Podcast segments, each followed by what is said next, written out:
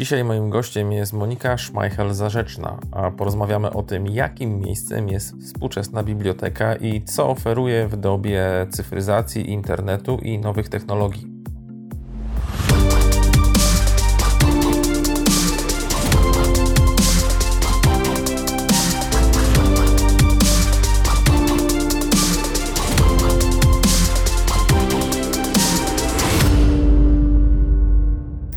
Była taka droga dość e, skomplikowana, ponieważ ja od zawsze wiedziałam, że chcę pracować w kulturze. I z kulturą szeroko rozumianą już związana jestem e, około 12 lat. Od czterech lat e, jestem związana z bibliotekami, bo pracuję w Miejskiej Bibliotece Publicznej imienia Hieronima Łopacińskiego w Lublinie. I właściwie ta droga związana z kształceniem dorosłych, ze wspieraniem edukacji dorosłych, bo, bo ja się zajmuję tą edukacją bardziej e, nieformalną, pozaformalną, e, pojawiła się jakieś właśnie 3-4 lata temu. Zbiegło się to z początkiem pracy w bibliotece. Dlatego właściwie, że biblioteka, jakby sama praca bibliotekarza wymusza tak szerokie spojrzenie na e, edukację w ogóle, na wspieranie edukacji, e, że, że w tą edukację dorosłych siłą rzeczy również musiałam wejść. Dobrze, to zacznijmy od fundamentalnego pytania. Co w ogóle w tej chwili ludzie robią w bibliotekach? Wszystko. Nie, naj, najprościej mówiąc, naprawdę wszystko, dlatego że ta, zostaje, wciąż jest obecna bardzo mocno ta tradycyjna funkcja, czyli funkcja wypożyczalni, e, funkcja miejsca, e, gdzie jest dostęp do wiedzy szeroko rozumianej, dostęp do książek. To jest e, cały czas jakby na pierwszym miejscu. To, to nigdy nie zaniknie, bo biblioteka zatraciłaby w ogóle sens swojego istnienia. Ale do tego od właściwie dwóch dekad są dokładane coraz to nowe inne e, funkcje i e, nie wiem jak to nazwać e, funkcje i obszary działań, bo oprócz książek, najpierw zacznijmy od tych rzeczy, które my wypożyczamy. Oprócz książek papierowych pojawiły się w pewnym momencie audiobooki. Od dłuższego czasu, zresztą no już dawniej też były obecne nagrania audio na, na kasetach, na VHS-ach były e, dla osób niepełnosprawnych różnego rodzaju inne nośniki udostępniane. Teraz pojawiły się właśnie audiobooki, e, są również filmy, są spektakle teatralne, jest muzyka, którą można wypożyczać. E, udostępniamy też w dużej mierze zasoby cyfrowe zarówno w formie kodów na przykład e, abonamentowych do różnego rodzaju platform typu Legimi, typu Nazbi Ozbi, jak i e, do bibliotek cyfrowych e, z otwartymi zasobami, których jest coraz więcej u nas w, w kraju. Ponadto pojawiły się, no, wraz z dostępem do, do sieci, pojawił się internet również w bibliotekach, stanowiska komputerowe, możliwość korzystania również z tej wiedzy. Później również też w formie trochę edukacji, ale też i rozrywki pojawiły się gry typu PlayStation, e, Xboxy, różnego rodzaju. E, wchodzi wirtualna rzeczywistość. E, pracujemy też z rzeczywistością rozszerzoną, bo nie wiem, czy wiesz, ale w wielu książkach, szczególnie popularno-naukowych, pojawiają się też markery do rozszerzonej rzeczywistości, więc stąd mamy również i tablety. Generalnie jeśli chodzi o ten obszar samego udostępniania zbiorów i różnego rodzaju dóbr cyfrowych i dóbr kultury, tego jest teraz bardzo dużo. A jeśli chodzi o same działania, takie wspierające edukację związane z działalnością kulturalną, to tego jest no naprawdę nie wiem, czy byłaby jakaś rzecz, o której byś pomyślał, a której biblioteki by nie robiły. Bo, bo tego jest naprawdę bardzo, bardzo dużo. Okej, okay, gdy słyszę takie słowa jak miejski, publiczny, imienia, no to mam taki obraz biblioteki jako takiego miejsca pełnego półek z książkami w takim klasycznym rozumieniu, a przecież biblioteka dzisiaj wygląda zupełnie inaczej. Biblioteki się zmieniają, zmieniają się, no to są długofalowe zmiany, to się nie odbywa z dnia na dzień. Ale takie generalne pytanie podstawowe, skąd w ogóle czerpiecie inspirację do tego, jak się zmieniać? Gdzie szukacie informacji o kierunku, o trendach? Generalnie to jest trend taki ogólnoświatowy. Bardzo dobrym przykładem za granicą są biblioteki skandynawskie. Tutaj, jeżeli popatrzy się na literaturę branżową, bibliotekarską, to bardzo często jest opisywany ten model skandynawski jako taki wzorcowy. Generalnie tamta kultura i kultura czytania, która tam jest, jest dla nas pewnego rodzaju wzorem i również ta, ta kultura, która jest w bibliotece. Więc z jednej strony ten proces jest inspirowany tymi zmianami, które są na Zachodzie, ale z drugiej strony jest inspirowany obserwacją po prostu użytkowników. My mamy bardzo dobre źródło wiedzy w postaci samych użytkowników, którzy do nas przychodzą i mówią, czego potrzebują. Bo bibliotekarz to nie tylko e, osoba, która przychodzi i wypożycza książkę, daje książkę czytelnikowi, ale to też jest osoba, która niejednokrotnie słucha tego, co ten człowiek, który przychodzi, ma do powiedzenia. Trochę tak jak, e, nie wiem, jak psychoterapeuta nawet momentami, bo ludzie przychodzą i wypożycza książkę i zaczyna nagle opowiadać historię życia.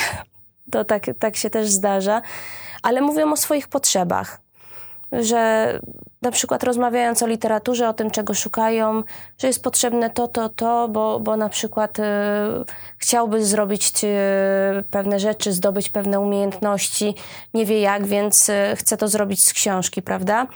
I patrząc na to, jakie, jakie książki też, jakie obszary są zainteresowań tych czytelników, my możemy dobierać do tego działania.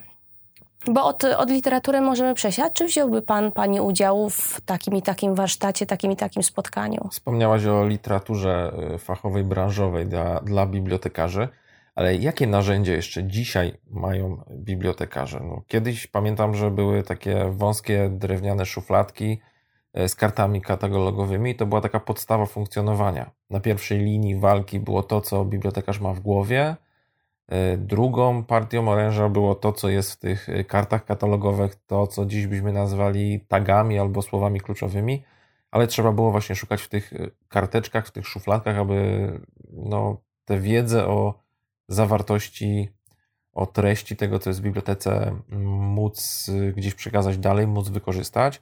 A jak to wygląda dzisiaj? Znaczy, katalogi kartkowe wciąż są obecne w wielu bibliotekach, ale w wielu, cały czas postępuje e, to tak się ładnie nazywa retrokonwersja, czyli wprowadzanie e, bazy całego księgozbioru do specjalnych, e, specjalnego oprogramowania bibliotecznego. Jest kilka takich dużych programów bibliotecznych, które funkcjonują. Biblioteki no, siłą rzeczy muszą w nie inwestować i to wszystko przenosi się do sieci. Nasz program, na którym też pracujemy, też działa w oparciu właśnie o, o zasoby internetu. Tam się znajduje cała baza, cały katalog więc no, przenosimy się. Myślę, że dla Was w ogóle ogromną szansą będzie rozwój tych najnowszych technologii związanych e, ze sztuczną inteligencją, z uczeniem maszynowym, bo to byłoby świetne, gdybyśmy mogli zadać pytanie w katalogu i ten katalog w taki bardziej semantyczny sposób udzieliłby nam odpowiedzi, moglibyśmy zadać to pytanie takim normalnym językiem, nie zastanawiać się nad strukturą tego katalogu, nad słowami e, kluczowymi, tylko po prostu zadać pytanie i uzyskać na nie odpowiedź. Myślę, że to byłaby bardzo ciekawa przyszłość dla bibliotek. Myślę, że to by było ciekawe rozwiązanie. Myślę, że sami bibliotekarze bardzo chętnie by z tego skorzystali. Plus jeszcze, jeżeli byśmy dodali e, wyszukiwania na przykład po, po kolorze okładki, książek albo po jakichś cechach szczególnych, bo bardzo często czytelnicy też przychodzą i się pytają właśnie o takie rzeczy. No, nie pamiętam, kiedyś czytałam, okładka była taka i taka, albo pierwsza litera imienia. To tylko pokazuje, jak ważne w projektowaniu jakichkolwiek systemów czy wdrażaniu jakichkolwiek zmian jest słuchanie tego, kto faktycznie będzie pracował z danym systemem, bo to są bardzo ciekawe uwagi, bardzo trafne i wskazówka dla wszystkich, którzy projektują czy to rozwiązania edukacyjne, czy to jakieś rozwiązania techniczne, technologiczne wspierające e, kulturę i edukację. Słuchajcie tych, którzy są użytkownikami, zanim w ogóle zaczniecie nad danym systemem pracować. Ale my zmieniamy teraz temat. Wiemy już mniej więcej, jak ta biblioteka wygląda, w którą stronę zmierza. Teraz pytanie kluczowe: kto do biblioteki teraz przychodzi w ogóle? Generalnie biblioteka jest miejscem, którą odwiedzają wszyscy. To, co powiedziałeś, co ci się tak kojarzyło, ten publiczny e, miejski, e, tak troszkę pejoratywnie może, to jest e, właśnie nasze otwarcie się na każdą osobę. I to jest też, e, powiem tak, e, ogromne wyzwanie w tym momencie dla bibliotekarzy, bo my dla tej każdej grupy wiekowej musimy mieć przygotowaną ofertę. Musimy po pierwsze potrafić e, doradzić tym ludziom literaturę, od najmłodszego do najstarszego. Po drugie, zainteresować ich jakimś swoim działaniem, żeby oni z nami zostali, żeby poczuli się z nami związani. Więc y, można powiedzieć, u, u, mnie w bibliotece na przykład jest taka ścieżka edukacyjna, taka droga. Mamy zajęcia dla rodziców y, razem z dziećmi w wieku 0-3-4 lata. Oni przychodzą przez pewien czas. To są takie zajęcia ogólnorozwojowe, związane z sensoryką, ze wszystkim tym, co jest potrzebne młodemu rodzicowi, żeby wiedzieć i temu maluchowi, żeby się rozwijać. Potem dzieciaki podrastają, już jako przedszkolaki przychodzą do nas na różnego rodzaju inne zajęcia, a to plastyczne, a to właśnie związane z książką. Jak są starsze w wieku szkolnym, to na przykład uczą się w naszej bibliotece programowania, przychodzą na kółko plastyczne, na jakieś dyskusje literackie, y, na jakieś działania artystyczne. Y, młodzież, y, dla młodzieży mamy bardziej takie wydarzenia eventowe, albo też cykliczne spotkania, jeśli wyrażą chęć, ale oni bardziej tak w różnego rodzaju inventach, spotkaniach chętnie uczestniczą. No i dorośli. Mm, dorośli i seniorzy, jakby to są u nas też takie dwie grupy. Dorośli są najtrudniejszą grupą. Tutaj e, praca z nimi jest najbardziej wymagająca, ale jest też najfajniejsza, bo jest największym wyzwaniem. To też e, bardzo często w naszej ofercie są e, wydarzenia właśnie na zasadzie takiej eventowej, że my rozmawiamy z czytelnikami, czego potrzebują. Na przykład po wyprawie na K2 bardzo fajne spotkanie się u nas odbyło z panem Piotrem Tomalą, który e, był na K2. Okazało się, że jest e, z Lublina. Więc e, przyszedł do biblioteki na, na prośbę właśnie naszych czytelników, bo to był okres, kiedy wszystkie książki związane z tematyką wysokogórską się wypożyczyły, więc stąd pomysł. No, to było spotkanie, gdzie nasza biblioteka ledwo te osoby pomieściła, bo to było prawie 200 osób a przestrzeń jednak jest ograniczona. Więc dorośli korzystają z różnych form edukacji, łącznie e, z tym, że bardzo często poszukują jakiejś e, wiedzy, czy, czy chcą uczestniczyć w jakimś wydarzeniu i sami to sygnalizują. Plus seniorzy. E, dla seniorów mamy bardziej ofertę skierowaną też właśnie w kierunku wyrównywania tych szans w edukacji cyfrowej. Mamy kursy komputerowe i takie dyskusje o książce, spotkania takie przy kawie, bo to oni też mają inne swoje potrzeby. To rozumiem, że jakby tam przysiadło kilku pracowników tak na poważnie, to macie takie własne Google Trends. Bo jak coś robi się popularne na topie, no to okej, okay, ludzie wyszukują to w internecie, ale przychodzą też do biblioteki i pytają, czy wy takie trendy w ogóle y, spostrzegacie? Tak, y, i to są takie trendy, które y, związane są albo z wydarzeniami, takimi, które w jakiś sposób poruszają społeczeństwo, z polityką, właśnie z górami, z jakąś tragedią. Nie uwierzysz, jak szybko powstają książki na te tematy które są w jakiś sposób społecznie mocno odbierane. Bardzo szybko wychodzą książki i bardzo szybko czytelnicy chcą te książki mieć u siebie. Więc rzeczywiście możemy śledzić te e, trendy i, i reagować na nie właśnie w e, tym kierunku i z naszymi działaniami. Aczkolwiek są tematy, który, których to nie, nie zawsze warto dotykać, prawda, i się w nie zagłębiać.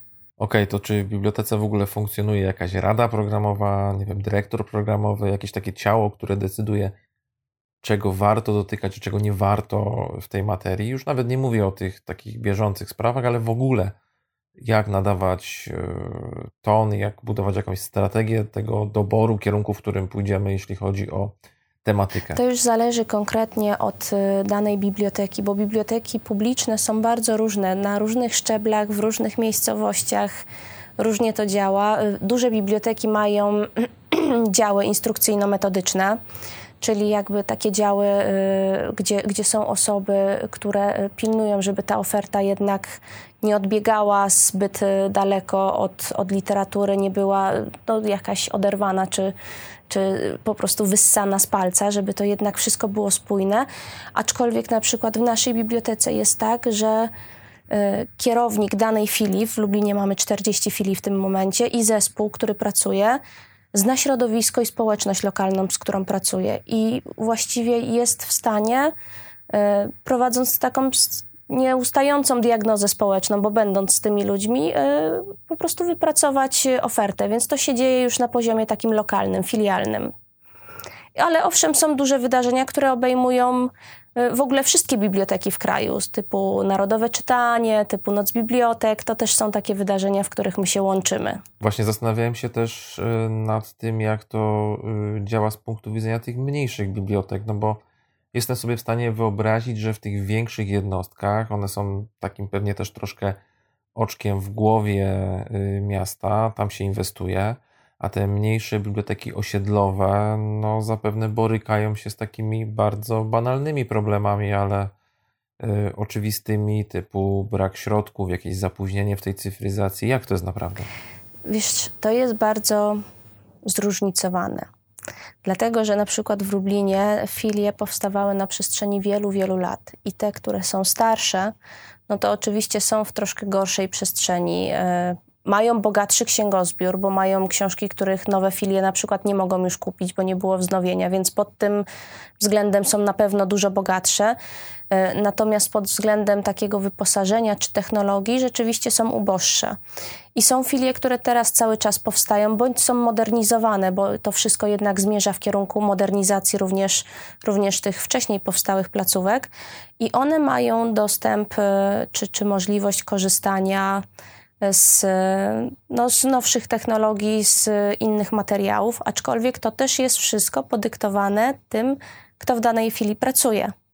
Bo tam musi być człowiek, który będzie umiał to wykorzystać. A odkąd zawód bibliotekarza się uwolnił, to w bibliotece masz ludzi z zakresem kompetencji to takim, że myślę, że kilkanaście instytucji spokojnie branżowych różnych by tym obdzielić można było. Powiedziałaś o uwolnieniu zawodu bibliotekarza. Czyli to dobrze, że się uwolnił? Czy tak trochę dobrze, trochę źle? Trochę dobrze, trochę źle, bo ja uważam, że y, bibliotekarze, ci stricte bibliotekarze z wykształceniem y, z zakresu informacji bibliotecznej, y, z tym takim, z tą wiedzą branżową, typowo biblioteczną, powinni wciąż być obecni i powinno się dążyć do tego, żeby osoby spoza branży, które, które wchodzą, jednak uzupełniały sobie tą część kompetencji. A dobrze dlatego, że otworzyła się droga e, do wejścia e, do biblioteki osób, które mogą wnieść właśnie do nich świeżość, e, mieć pomysły na działanie i po prostu te biblioteki właśnie rozruszać. I y, ja czasami tak się kilkakrotnie już miałam takie rozmowy, że właściwie po co ta biblioteka? Biblioteka się zmienia w dom kultury, czy, czy w instytucję taką, czy jakieś centrum kultury, centrum e, aktywizacji społeczności lokalnej, więc czy ona dalej jest biblioteką? I de facto jest. I ja tak uważam, prędzej myślę znikną domy kultury niż znikną biblioteki. Dlatego, że e, właśnie tym, e, co u nas jest wyjątkowe, tym, co jest tym clue, to jest książka, to jest literatura i to, jest, e, to są te kolekcje, te zbiory, które my udostępniamy. Więc kompetencje osób spoza branży są niesamowicie cenne i pozwalają wkroczyć z pełną parą w ten XXI wiek i otworzyć się na tego nowego użytkownika ale te kompetencje bibliotekarskie, branżowe muszą być uzupełniane. I no, niestety cały czas muszą, muszą być w tym zawodzie. A w jaki sposób bibliotekarze uzupełniają swoje kompetencje? W jaki sposób się rozwijacie? Macie jakieś swoje branżowe szkolenia, konwenty, konferencje, spotkania, jakieś kursy dedykowane? Jak to wygląda w realu? Żeby uzupełnić podstawowe kompetencje, takie bibliotekarskie, no to najlepiej by było zrobić studia podyplomowe z bibliotekoznawstwa, prawda? E, a jeżeli chodzi o całą resztę kompetencji, których musimy mieć bardzo dużo, bo i, i, graficzne, i warsztatowe, i szkoleniowe, to rzeczywiście e, są różnego rodzaju e, spotkania szkoleniowe. Ja sama mam przyjemność współorganizować i współtworzyć taki cykl zjazdów szkoleniowych dla bibliotekarzy, które odbywają się teraz y, od trzech lat już w kilku województwach. To są bibliolaby, regionalne zjazdy szkoleniowe, y, gdzie bibliotekarze z jednej strony dzielą się swoimi działaniami, a z drugiej strony mogą jednego dnia wziąć udział e, właśnie w e, kilku różnych szkoleniach, bardziej takich samplingach, bo to są dwugodzinne e, takie szkolenia z różnych, z różnych dziedzin, które pomogą im w pracy takiej praktycznej. Oprócz tego jest Kongres Bibliotek, co roku organizowany. Tutaj bardzo mocno wspiera środowisko bibliotekarskie Fundacja Rozwoju Społeczeństwa Informacyjnego. E, i e, organizuje właśnie dla nas też takie kongresy. No i oczywiście e, środowiska uniwersyteckie też organizują cały czas konferencje, gdzie jest ta klasyczna forma wykładowa. A jak na Waszą branżę wpłynęła Unia Europejska? No, weszliśmy do Unii już paręnaście lat temu, więc to są czasy dosyć zamierzchłe, ale dla wielu branż to była taka cezura, że od tego momentu zaczęły się lepsze środki, lepsze pieniądze, różnego rodzaju projekty jak to jest w Waszym wypadku? U nas się nie realizuje projektów unijnych. Przynajmniej w mojej bibliotece. Ja nie miałam, o tak, może nie, nie, że się nie realizuje. Ja nie pracowałam przy żadnym projekcie unijnym. E, I ciężko mi tutaj jest e, powiedzieć. Wiem, że są dofinansowania do bibliot dla bibliotek również e, z Unii Europejskiej. My jednak na ten moment z, tutaj jeszcze skupiamy się na pozyskiwaniu tych środków bardziej krajowych. Aczkolwiek wiem, że bardzo mocno wpłynęła Unia Europejska i te środki zagraniczne na rozwój bibliotek w mniejszych miejscowościach gminnych e, e, i w, właśnie, w, właśnie w gminach, na wsiach i, i w malutkich miejscowościach. Inaczej to wygląda w dużych miastach. Nawet jak popatrzysz na różne programy, nie tylko grantowe, ale i szkoleniowe, bardzo często w tych e, europejskich jest cezura, że na przykład jest to dedykowane pracownikom, którzy pracują na terenie gminy do 20 tysięcy mieszkańców albo w mieście do 100 tysięcy mieszkańców. Lublin ma ponad 300, więc my niestety na wiele z tych rzeczy się nie łapiemy. A co boli Twoją branżę? Czego branża potrzebuje najbardziej, żeby się rozwijać? Pieniążków.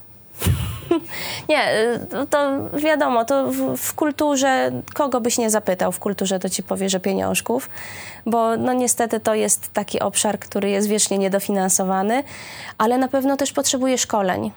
Przy tych oczekiwaniach, y, które y, mamy teraz od użytkowników i przy tych wymaganiach, jakby i poprzeczkach, które sami sobie stawiamy, my bibliotekarze, wymyślając coraz to nowe inicjatywy i coraz bardziej wychodząc z, z tą książką, z tą literaturą do ludzi, potrzebujemy też e, takiego bardzo dużego wsparcia właśnie w zakresie doskonalenia tych kompetencji, w zakresie rozwijania się e, w, w, różnych obszarach, bo i w zakresie nowych technologii, ale też i w pracy e, animacyjnej, i w tych obszarach miękkich, w komunikacji, właśnie w pracy z drugim człowiekiem, z czytelnikiem i również czasem z tym trudnym czytelnikiem w pracy z różnymi grupami wiekowymi. To jest ogromny, ogromny obszar, w którym musimy, że tak powiem kolokwialnie, ogarnąć i do tego naprawdę trzeba, trzeba wsparcia.